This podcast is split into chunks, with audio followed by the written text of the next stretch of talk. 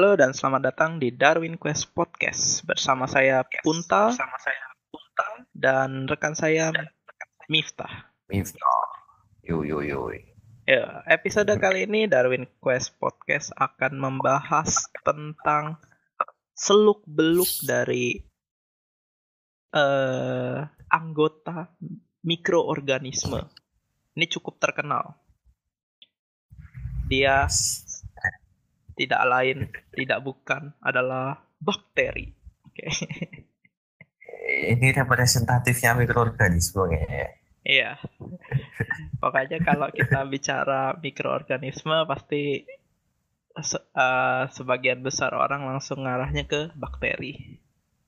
Hmm, Yang paling terkenal Hmm. mikronya. Yang kemarin udah dibahas paling mikro kan ya. ya. Hmm, Paling mikro tuh bakteri. Jadi untuk recall yang kemarin bakteri itu ada di mana? Di mana pun di mana mana. Di mana? Bak bakteri itu kayak Tuhan. Micro puppet master. Eh, puppet master. Ada di seluruh bagian tubuh kita. Yang nggak ada di mana ya? Dan mereka ngapain? Mereka ngapain? Hidup kan ya? Hidup. Bermetabolisme, Tumbuh mengendalikan dan berkembang Tumbuh. biak. Dan ber- tumbuh dan berkembang biak. dan berpikir enggak ya mereka berpikir kak Sebenarnya bakteri bisa mikir nggak sih? Eh, nggak tahu sekarang Eh, mikir tuh apa dulu ya iya. tergantung definisi mikir kalau definisi mikirnya insting ya mungkin mikir juga Mikir ya. Tapi bakteri nggak punya otak. nggak apa-apa Apa nggak? Apa apa ada otaknya gitu? Yang sebagai otaknya bakteri.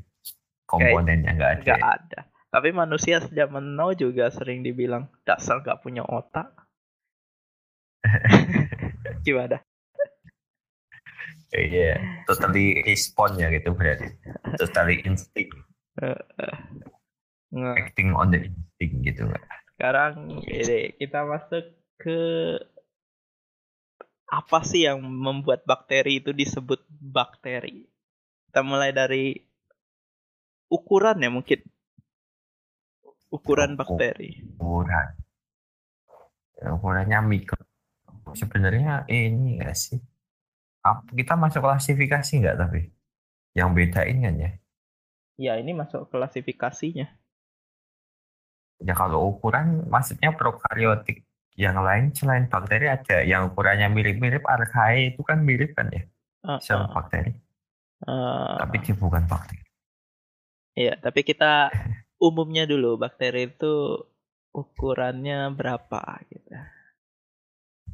Secara tidak Ukurannya mikro mikrometer yang paling gede itu berapa 0,7 mikro ya? Eh 0,7 mili. 700 mikro 0,7 itu. mili. Yang paling kecil 0,5 mikro. Iya, itu yang kecil banget itu. Heeh. Yang kecil 0, Kamu, pernah lihat nggak sih yang bisa dilihat mata telanjang bakteri itu nggak yang pernah. segede itu? Nggak pernah. Oh, aku ya nggak pernah. Nggak pernah. Kita mainnya Ya, kurang paling- jauh. Iya, paling yang bisa dilihat mata telanjang bakteri ya hifanya streptomyces. Iya nggak? Itu pun bukan bakteri, eh bukan apa, bukan sel jadinya. Iya, bukan saya. Udah semacam koloni gitu. ya. Mm-mm. Jadi nggak bisa dibilang ukuran satunya, individunya sendiri gitu. Nggak bisa dong. Oh, iya. Iya. Ngomong-ngomong sendiri kalau sendirian itu kayak apa bakteri itu ya? Ya, dia pasti punya bentuk sendiri-sendiri. Yang paling umum kan yang bulat. Kita bilang kokus, koki, kokus ya. Digoreng dadakan nggak itu? Terus ada yang bentuknya batang, basil. Terus ada yang koma mati enggak juga? Koma bentuknya koma mati. Ya macam-macam bentuk. Macem. dulu awalnya sebenarnya diklasifikasi berdasarkan bentuk ini juga nggak sih? Awal penemuan bakteri itu. Hmm. eh, di ya, dinamain iya dinamain ya bentuk uh, dinamain. golongan bukan klasifikasi ya jadi beberapa bakteri itu dinamain berdasarkan bentuknya gitu kayak bacillus itu bentuknya basil Streptococcus kan. Streptococcus. Bentuknya bulat. Vibrio. Vibrio nggak ada hubungannya sama koma ya? Nggak ada. Vibrio koma baru.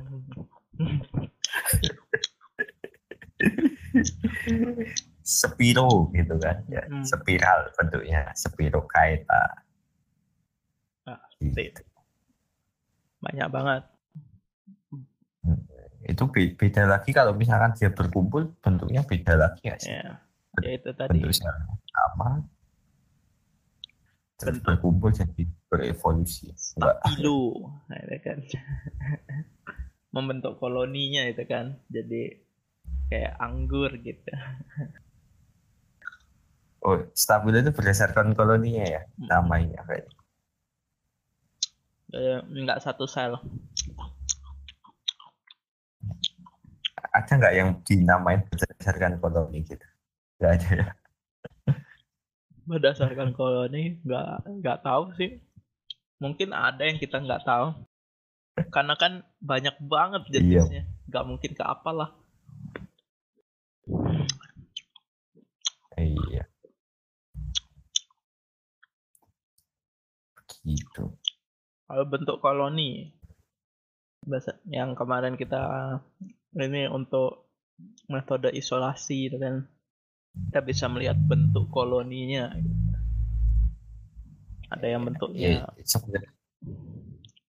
mulus. Bentuknya. Ada yang bergerigi. Ada yang berminyak berlendir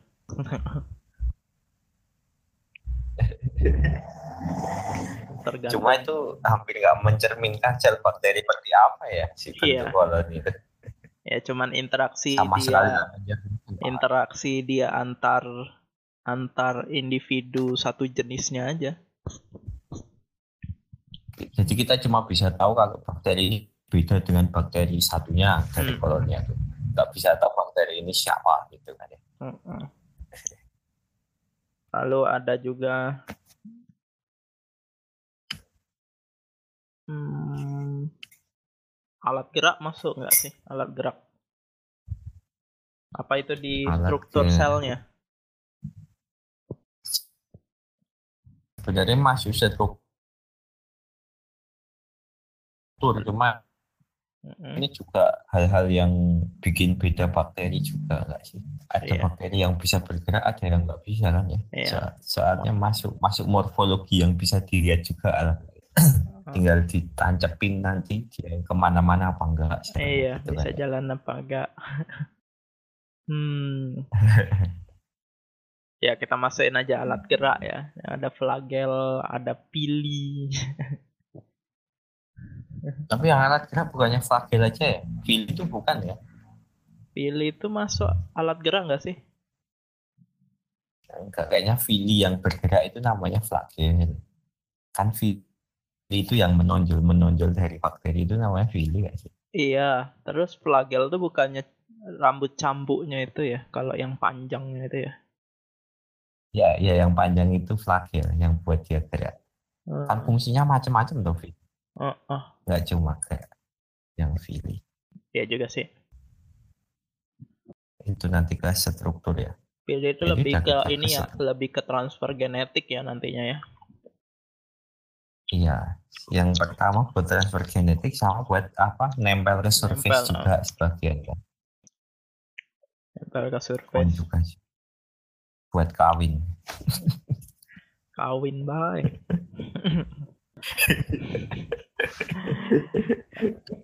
ya udah berarti kita nempel ke yang lebih dalam lagi dari bakteri yaitu struktur selnya. Wes. Umumnya tuh pas bakteri itu punya dinding sel. Hmm. Karena beda dari dan dinding selnya itu beda dari dinding sel tumbuhan. Bedanya apa tuh? Bedanya bedanya apa, Mif? Kalau sel tumbuhan kan di disusun oleh selulos. Eh, sama kitin gitu kali ya. Nah, jadinya lebih lebih keras gitu ya. Lebih rigid. Nggak lembek. Tapi gampang pecah. Ya gampang di dipecahkan dengan frost. Iya. Kalau kalau bakteri kan lebih ke ini peptidoglikan kali ya nah, peptidoglikan cuma cuma asam amino sama gula kan itu. Rangkaiannya jadi menghasilkan jaring-jaring struktur yang ginyu-ginyu sebenarnya kan? Ginyu-ginyu.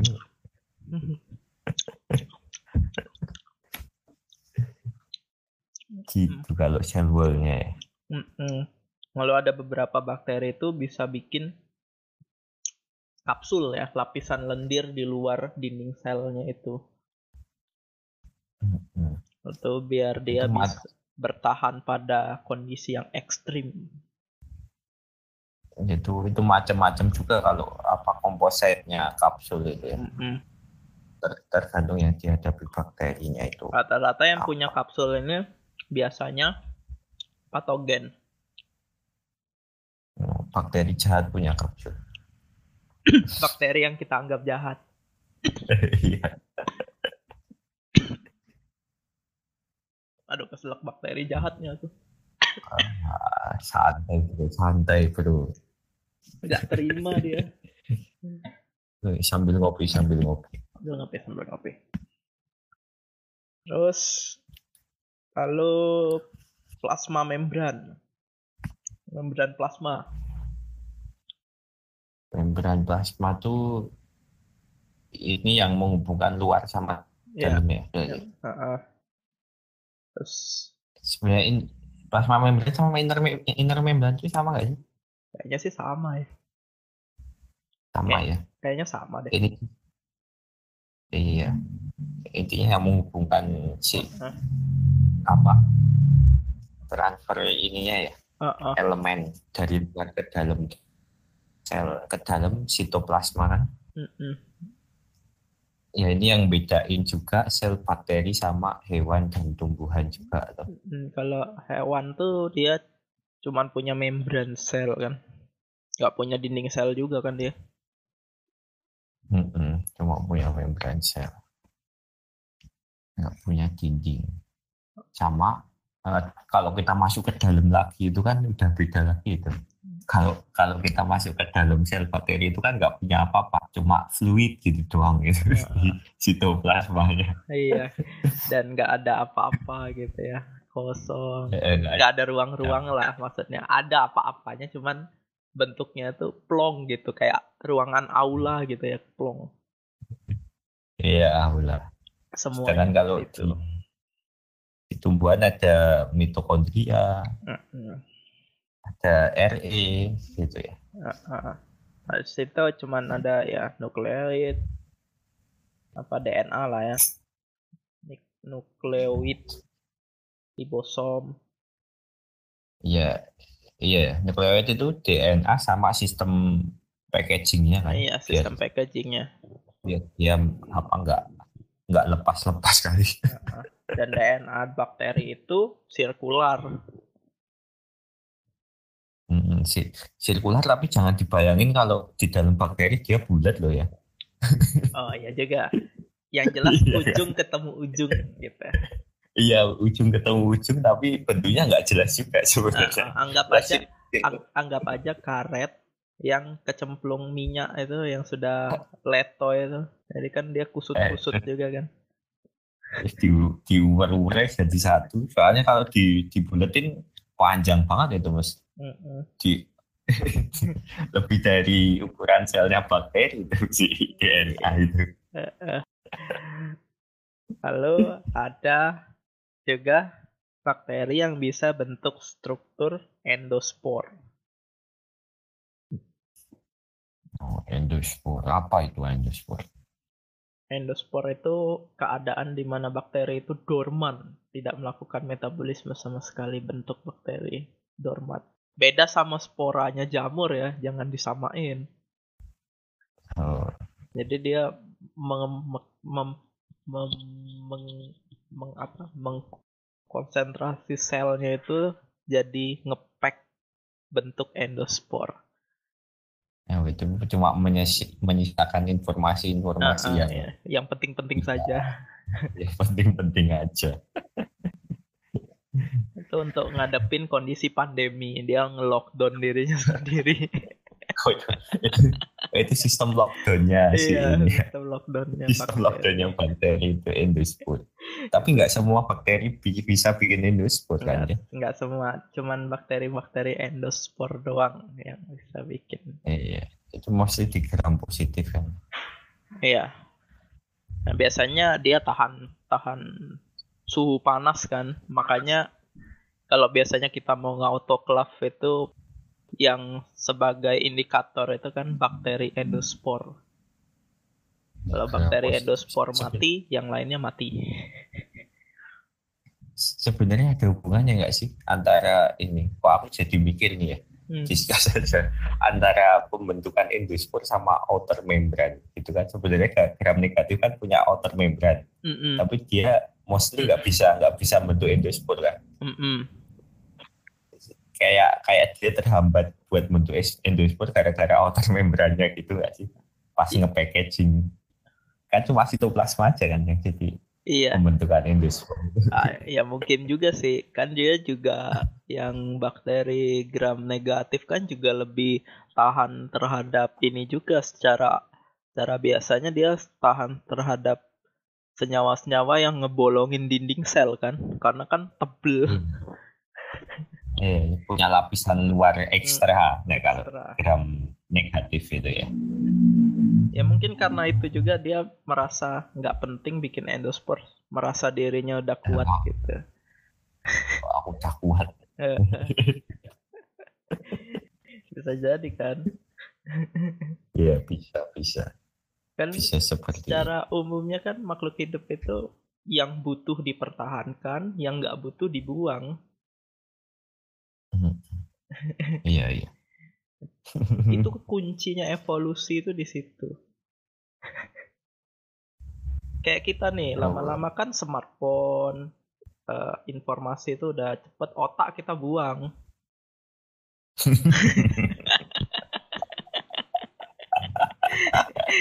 iya ya. Gimana? Otaknya soalnya device kan udah membantu kita mikir kita nggak perlu mikir. Uh, uh, makanya otak kita buang. Lama-lama siapa tahu evolusi kita ratusan juta tahun lagi itu udah tanpa otak aja. Udah kayak ubur-ubur gitu. Eh, itu itu balik lagi di teori evolusi. Jadi prasejarah lagi jadi prasejarah lagi ya kalau otaknya udah dibuang. Oke. Tadi udah kita ngomongin tentang struktur selnya gitu. Terus dari struktur sel itu kan juga berpengaruh nanti ke apa yang dia lakukan untuk tumbuh yaitu metabolisme. Terus apa emang yang dilakukan untuk tumbuh? Nah, umumnya Eh, bakteri ini tuh dibagi menjadi dua lah ya berdasarkan ke uh, kebutuhan atau sumber energinya uh, elektron donornya ya yang dia memecah dari senyawa organik atau yang dari membentuk dari senyawa anorganik. membentuk dari senyawa anorganik. Itu bakteri bakteri mandiri kali ya. Uh, uh. yang bisa membentuk dari anorganik. Umumnya kalau yang membentuk dari senyawa anorganik itu yang biasanya paling umum tuh kalau uh, uh, apa namanya contoh-contoh itu kayak tumbuhan gitu ya, alge gitu. Tapi ya, bakteri itu juga punya gitu yang bisa fotosintetik tuh ada.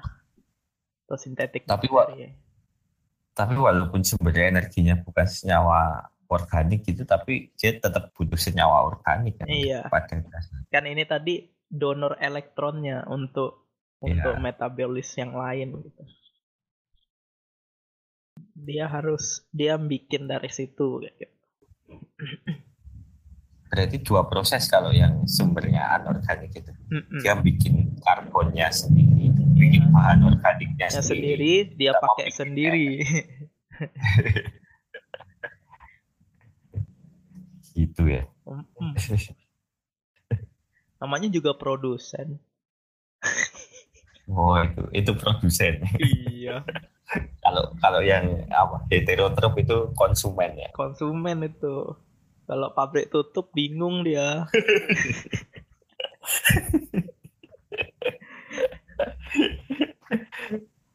Iya ya, berarti bergantung sama autotrop sebenarnya. Mm -mm, ini, sangat si, bergantung. Si hetero, hetero tuh. Mm. Kalau yang khusus kalau bakteri itu nggak cuman fototrop, ada juga litotrop. Kem apa sih bahasa ininya? Kemo kemo autotrop. Ah, gitu. kemo autotrop. Jadi dia memanfaatkan senyawa-senyawa anorganik lain bukan bukan apa buk, deng, bukan dengan bantuan cahaya cahaya cahaya matahari itu bisa dia mengubah nitrat atau dia mengini mengubah metan untuk dapat elektron donornya. Iya, so, so, soalnya ini kali ya kalau kalau bakteri itu kan kebutuhannya sebenarnya sedikit hmm. kecil ya selnya itu. Hmm, hmm. Makanya makanya bisa kayak gitu. Coba kalau tumbuhan kayak gitu kayaknya nggak tercukupi tetap nggak ya. jadi bentuk nggak jadi bentuk tanaman. Ya iya. Maka, makanya bakteri pun nggak bisa besar besar banget. Karena kan semua semua sistem metabolismenya itu pertukaran zatnya itu kan yang paling penting di sel itu kan sebenarnya pertukaran zatnya itu kan yang paling umum yang yang paling tidak ngabisin tenaga itu kan secara difusi oh iya benar itu kalau itu caranya kalau dia ukurannya semakin besar, jadi lebih susah dong pertukaran gasnya dan ujung-ujungnya bakteri keracunan sendiri. Eh, Makanya iya. bakteri itu bentuknya kecil-kecil. Terus dia udah memikirkan itu, udah didesain sama yang menciptakannya itu udah sangat high spec sebenarnya. Eh, iya, soalnya bakteri walaupun bisa bentuk koloni tapi nggak bisa bentuk organ.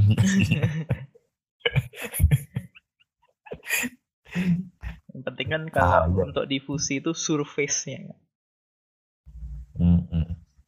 Lo untuk Enggak. metabolisme tadi kita balik ke metabolisme lagi tadi itu juga ada tentang kebutuhan oksigen. Itu kan bisa juga digolongin kan bakteri itu. Ada yang anaerob sama aerob yang umum.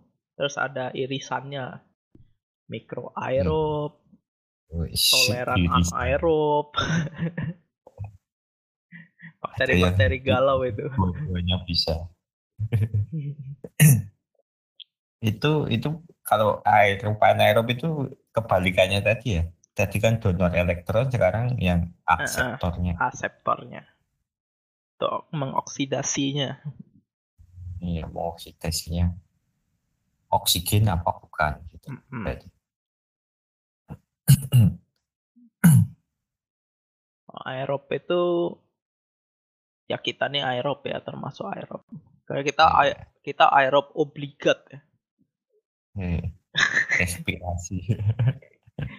kita aerob obligat kalau kita. Iyalah, tutup hidung berapa jam mati. Kena covid mati, enggak ya? Beda. Enggak beda itu. Beda. Aerob obligat. Ya, hampir sebagian besar bakteri itu yang yang bisa dikultur ya, yang bisa dikultur itu aerob. Iya, nggak tahu sebagian besar aerob apa anaerob, soalnya anaerob kita juga nggak tahu kan. Karena aku bilang yang bisa dikultur. Iya, ada yang bisa dikultur aerob. Soalnya susah ngulturin anaerob. Uh, uh, Gimana? Hampir susah. ada sih beberapa yang bisa dikultur. Soal requirementnya juga mesti beda kalau anaerob. Sebenarnya bakteri itu buat apa sih dia bermetabolis? Metabolisme itu buat apa? Ya buat hidup loh. Oh, Emang buat apa lagi? Buat memenuhi kebutuhannya akan nutrisi, buat beregenerasi, buat bikin keturunan gitu kan ya. Hmm. Itu kan berarti gitu. dia juga kayak butuh untuk source-source tertentu ya nggak nggak semua source bisa dia pakai kan apalagi bakteri kita aja nggak bisa pakai semua source yang ada eh, justru bakteri itu malah source spesifik ya sih mm -hmm. nggak nggak semua bisa di breakdown misalnya kayak gitu. karbon source-nya gitu gulanya dia cuma mau misalnya dextrose sup ini doang apa glukos doang gitu Iya. Soalnya enzim yang bisa dihasilkan juga terbatas di dalam sel segitu kali. buat buat mecah. Kita yeah. aja gitu. yang kompleks aja gitu apalagi mereka. Nitrogen yeah. pun juga gitu. Ada mereka butuh asam amino tertentu gitu yang nggak bisa diproduksi. Yang nggak bisa mereka bikin. Kita aja ada berapa yang nggak bisa kita bikin. Iya. Vitamin-vitamin itu. Vitamin-vitamin. Nggak bisa dibikin. Makanya di bakteri sendiri kan juga kadang butuh kerjasama gitu. Wis. Butuh butuh simbiotik antara bakteri satu dengan yang lain. Barter lah mereka ya. Woi, lu ngasih gua ini gitu ya. Butuhnya ini. yang paling yang biasanya ditemuin itu tuh kayak misalnya pembuatan tape itu ya itu kan simbiotik gitu kan iya Yesnya kan nggak bisa make apa namanya zat tepung secara langsung amilum secara langsung kan jadi nunggu di breakdown dulu. di breakdown dulu oleh yang lain gitu yang punya amilase gitu supaya bisa dipakai iya kalau bisa dipakai negatif itu nggak bisa. Hmm. ngomong-ngomong pertumbuhan gimana sih sebenarnya bakteri itu tumbuh? Umumnya ya bakteri itu tumbuhnya membelah diri ya. Aku tuh bingung. Hmm. Pertumbuhan yang dimaksud kalau di bakteri itu tuh dia tuh sebenarnya berkembang biak toh iya iya sih berkembang biak tapi ya, kita sebenarnya kan bertumbuh. Eh, so soalnya kalau kalau kalau kita kan sebenarnya bertumbuh itu juga selnya membelah kan? Iya. Iya, selnya berkembang biak jadi kita bertumbuh gitu. Kalau bakteri kan, kalau bakteri kan satu in, satu sel itu satu jadi, sel. Jadi dua itu kan udah dua orang, dua sel, dua dua bakteri yang berbeda bakteri itu butuh kawin nggak tuh? Ada, ya itu tadi yang pakai pilih tadi itu pertukaran genetik. Tapi nggak harus kan? Apa nggak harus, harus kawin baru, membelah? Nggak harus. Kan itu kan yang seksual katanya. Yang seksual kan transfer genetik. Kalau yang aseksual mah dia belah-belah diri aja. belah diri aja. Main sendiri apa sih? Aduh. Bukan, bukan.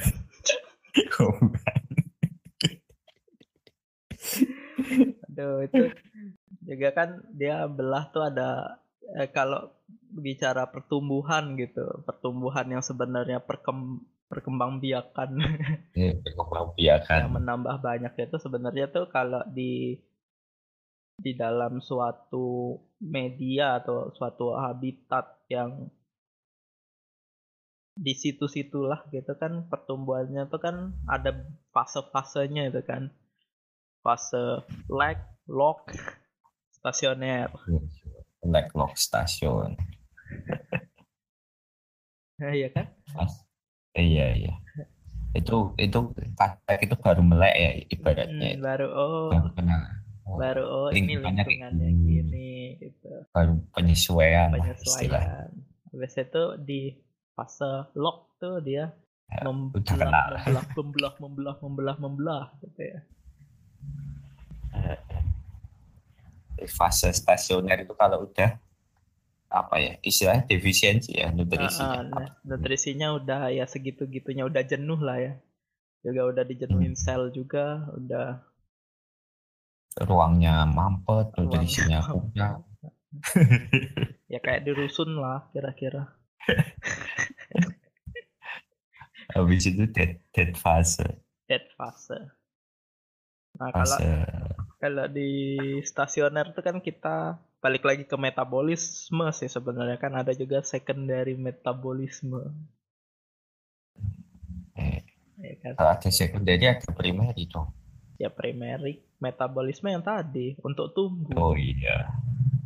Untuk iya. tumbuh. Berarti, kalau secondary berarti kalau secondary nggak nggak buat tumbuh gitu. Ya, oh, buat. Lebih lebih kayaknya kayaknya ke faktor eksternal gitu ya tanggapan terhadap lingkungan? Kayak ada yang ada yang nantangin gitu kan nah, bakteri ya karena tadi kan di stasioner kan kebutuhan nutrisinya kan karena nutrisinya udah sedikit jadi harus kompetisi gitu. ya jadi dia biasanya bikin antibiotik supaya ngehambat yang lain supaya nggak tumbuh. Jadi cuman kaumnya dia sendiri, we golongan dia sendiri yang tumbuh sebenarnya bakteri itu ber, berkompetisi antar golongan apa antar sel sendiri juga berkompetisi ya? Kayaknya sih ber, antar sel sendiri berkompetisi. Kayak kita kan juga antar sel sendiri berkompetisi. Iya sih soalnya pas produksi antibiotik itu sama-sama nggak nggak ada sel lain juga tetap diproduksi kan ya? Yang penting iya. udah jenuh aja kan?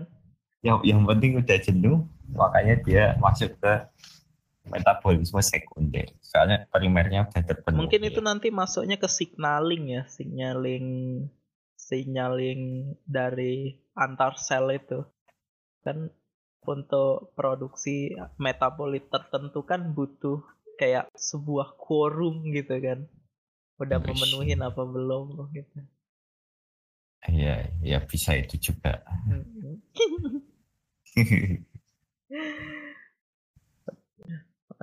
Terus kalau ngomongin apalagi kalau bakteri nih yang bisa digali dari bakteri?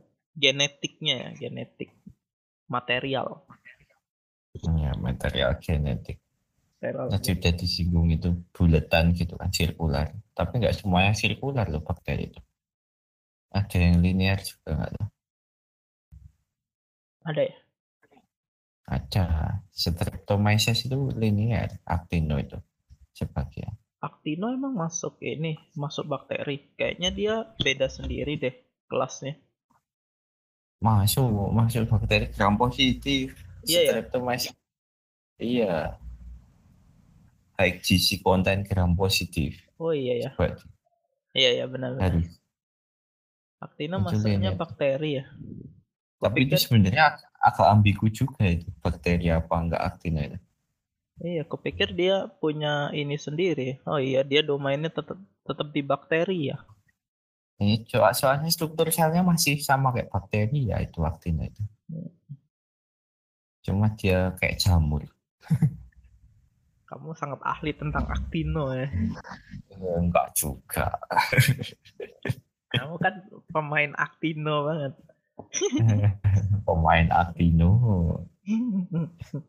Kagak gitu juga Geles.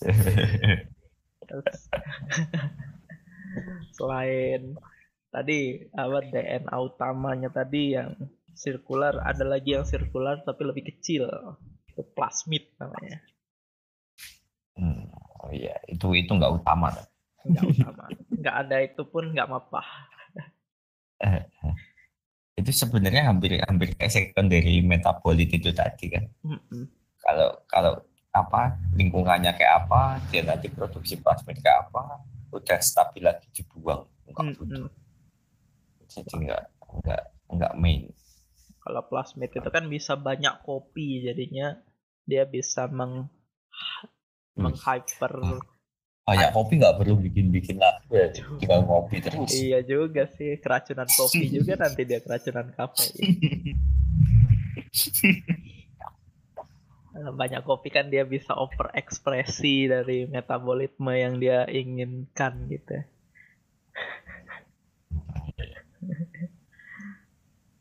Terus kalau nah bakteri ini kan banyak dipakai untuk subjek rekombinasi sebenarnya kan terutama E. coli E. coli ya. E. coli kalau mas e di Indonesia kan gak asik sih hmm. sebenarnya sebenarnya itu man manfaatnya banyak kali ya di bakteri itu kan uh, pembelajaran mengenai medical kali ya tapi kalau ke manusia pertama kali di trial kan nyoba di bakteri dulu mesti kayak hubungannya sama kayak genetik itu iya. Iya untuk ya, memastikan kalau itu gen gen yang membuat ini gitu ya. Iya responnya cepat. Apalagi mekanisme-mekanisme di bakteri itu udah udah mulai diterapkan di sel manusia gitu kan. Semacam CRISPR kalau yang keren yang oh, agak iya. terkenal. CRISPR. Belum sih belum diterapkan banget sih di sel manusia. Mau. Tapi, tapi kan udah mulai iya. icip-icip icip-icipnya udah. Kan dulu awalnya juga bakteri kan sejarahnya uh CRISPR.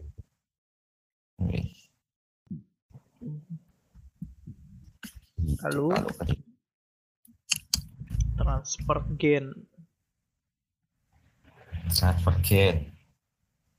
Transfer gennya ya tadi pakai pilih tadi seksual reproductionnya sebenarnya cuman oh ya aku punya gen ini loh kamu mau nggak gitu ya tapi kan itu salah satunya nggak nggak cuma itu kan uh, bakteri ya itu. ada juga ya dia masuk masuk aja dari dari hmm. lingkungan, lingkungan yang apa potongan fragmen-fragmen DNA yang ada di lingkungan gitu masuk secara transformasi kan bisa bisa.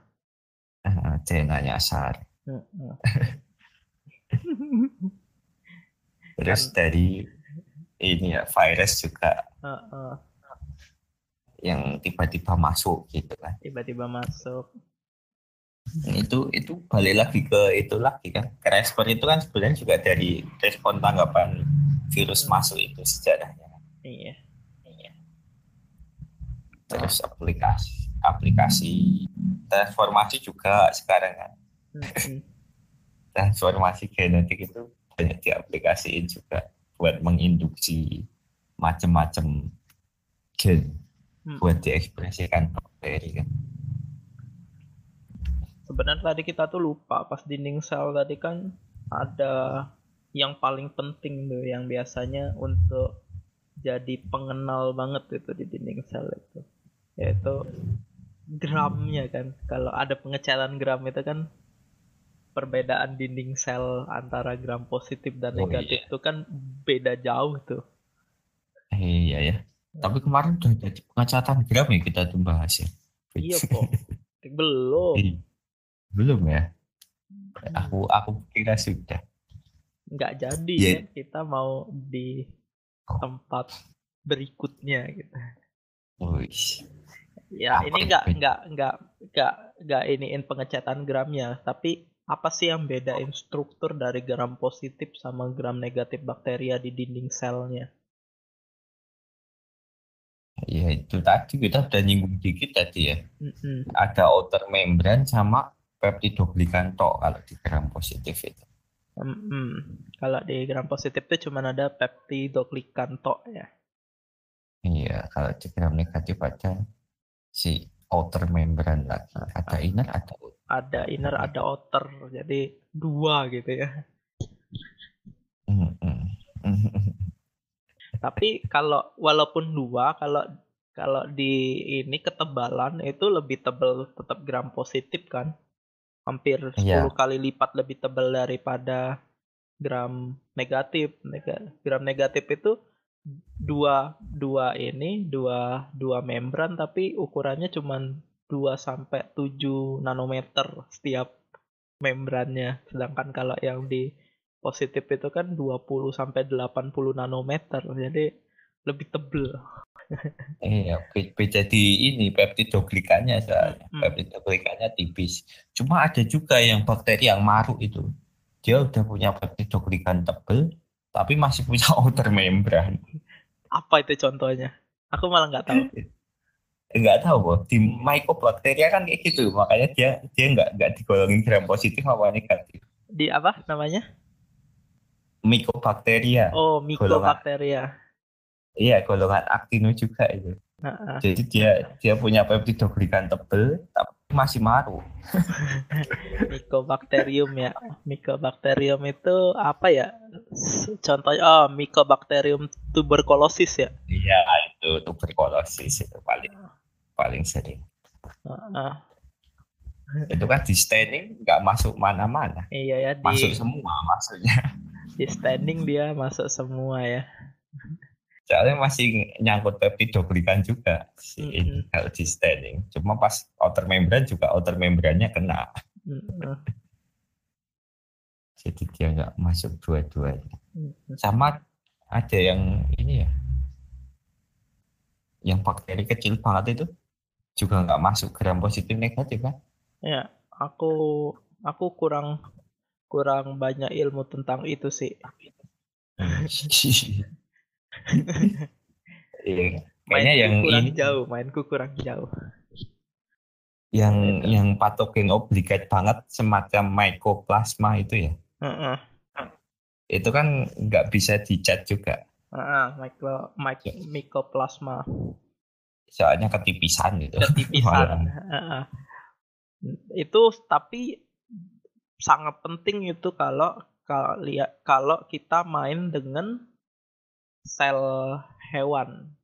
Jadi misalnya kita mau bikin suatu serum atau uh, senyawa protein lah yang berhubungan dengan apa pakainya sel hewan itu butuh banget pengecekan mikoplasma itu butuh banget. Oh, iya. Soalnya nggak punya itu dinding sel itu tadi. Uh -uh. Karena bakal jadi kontaminannya itu eh, dan iya. nggak nggak kedetek. Umumnya jadi sistem deteksinya pakai ya PCR. Mau nggak mau. Ada. Itulah juga ya juga yang menyebabkan mycoplasma itu selalu patogen enggak sih? Iya. Saat emang nggak bisa hidup sendiri. Dia nggak bisa hidup sendirian. Kalau nggak nempel dia hancur sendiri kan ya. Mycoplasma ya. di industri farmasi tuh yang obat-obat injeksi yang harus diproduksi di sel hewan itu sangat butuh banget itu ngecekkan itu. aplikasi farmasinya. Mm -mm. Oh. Ada tapi tidak ada. Berkolosis. Hmm. Dinding sel itu juga pengaruh nantinya ke dia kuat apa enggak gak sih menahan ini menahan apa? suhu ya apa sih namanya dia tempat hidupnya gitu ya oh iya Iya iya tempat hidupnya. Lingkungan hidupnya gitu ya. Berdasarkan suhu ya lingkungan hidupnya berdasarkan suhunya itu uh, dibagi banyak ya. iya banyak itu tapi tapi kalau apa hubungannya sama suhu ekstrim gitu nggak cuma dinding sel kan iya, yang berpengaruh DNA-nya juga uh, GC kontennya DFT. Ya, GC konten. DFT. Iya. Makanya nih yang di apa bakteri gram positif kan bagi dua golongan high GC konten sama uh, low, low GC konten. Itu vermicutes sama actino itu. Makanya actino itu lebih tahan di apa? Di lingkungan yang agak apa kering gitu juga kan. Mm -hmm karena itu juga mungkin karena aku sanggup. WC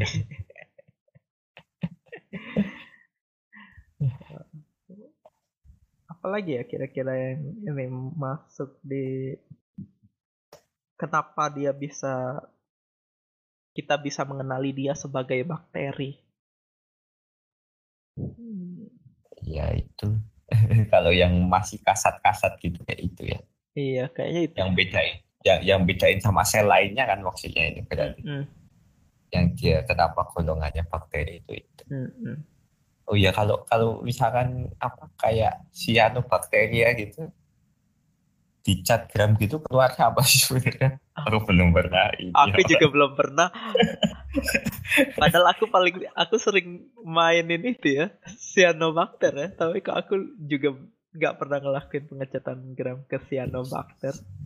Iya, tapi tapi itu struktur selnya agak berbeda juga di dalamnya kan. Mm -mm apa ada folding protein buat buat ini nerima cahaya juga.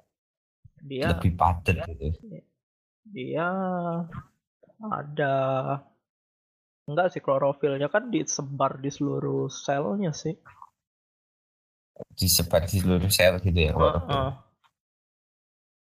Jadi enggak enggak ada kayak apa bagian tersendiri.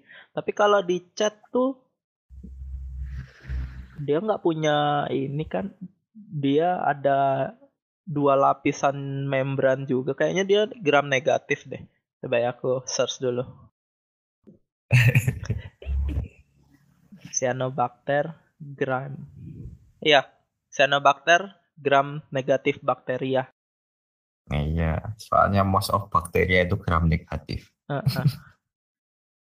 yang yang yang gram positif kan cuma dua itu tadi uh si si Alpino sama Vermicutes itu. Vermicutes. Iya. Apa? Apanya itu filmnya ya? Apa sih? Film, film. Iya, film Actino sama Vermicutes lain itu negatif. Pila, pila, pila. Eh, pila ya. Pila, pila, pila. Ada Ya, atau apa lagi yang apa fakta menarik mengenai bakteri ya? Hmm, fakta menarik mengenai bakteri sebenarnya masih banyak sih fakta menarik bakteri ya. Tapi kayaknya udah kepanjangan deh. oh iya ya. Kita di part 2 mungkin menyelam lebih dalam lagi. Oke, okay, ya. kita bagi jadi dua part. Nanti ada part 2-nya. Berarti. ya udah. Berarti sekian dulu part 1 dari pengenalan bakteria. Kita akan lanjut ke part 2 di episode selanjutnya. Dadah. Oke, okay, bye-bye.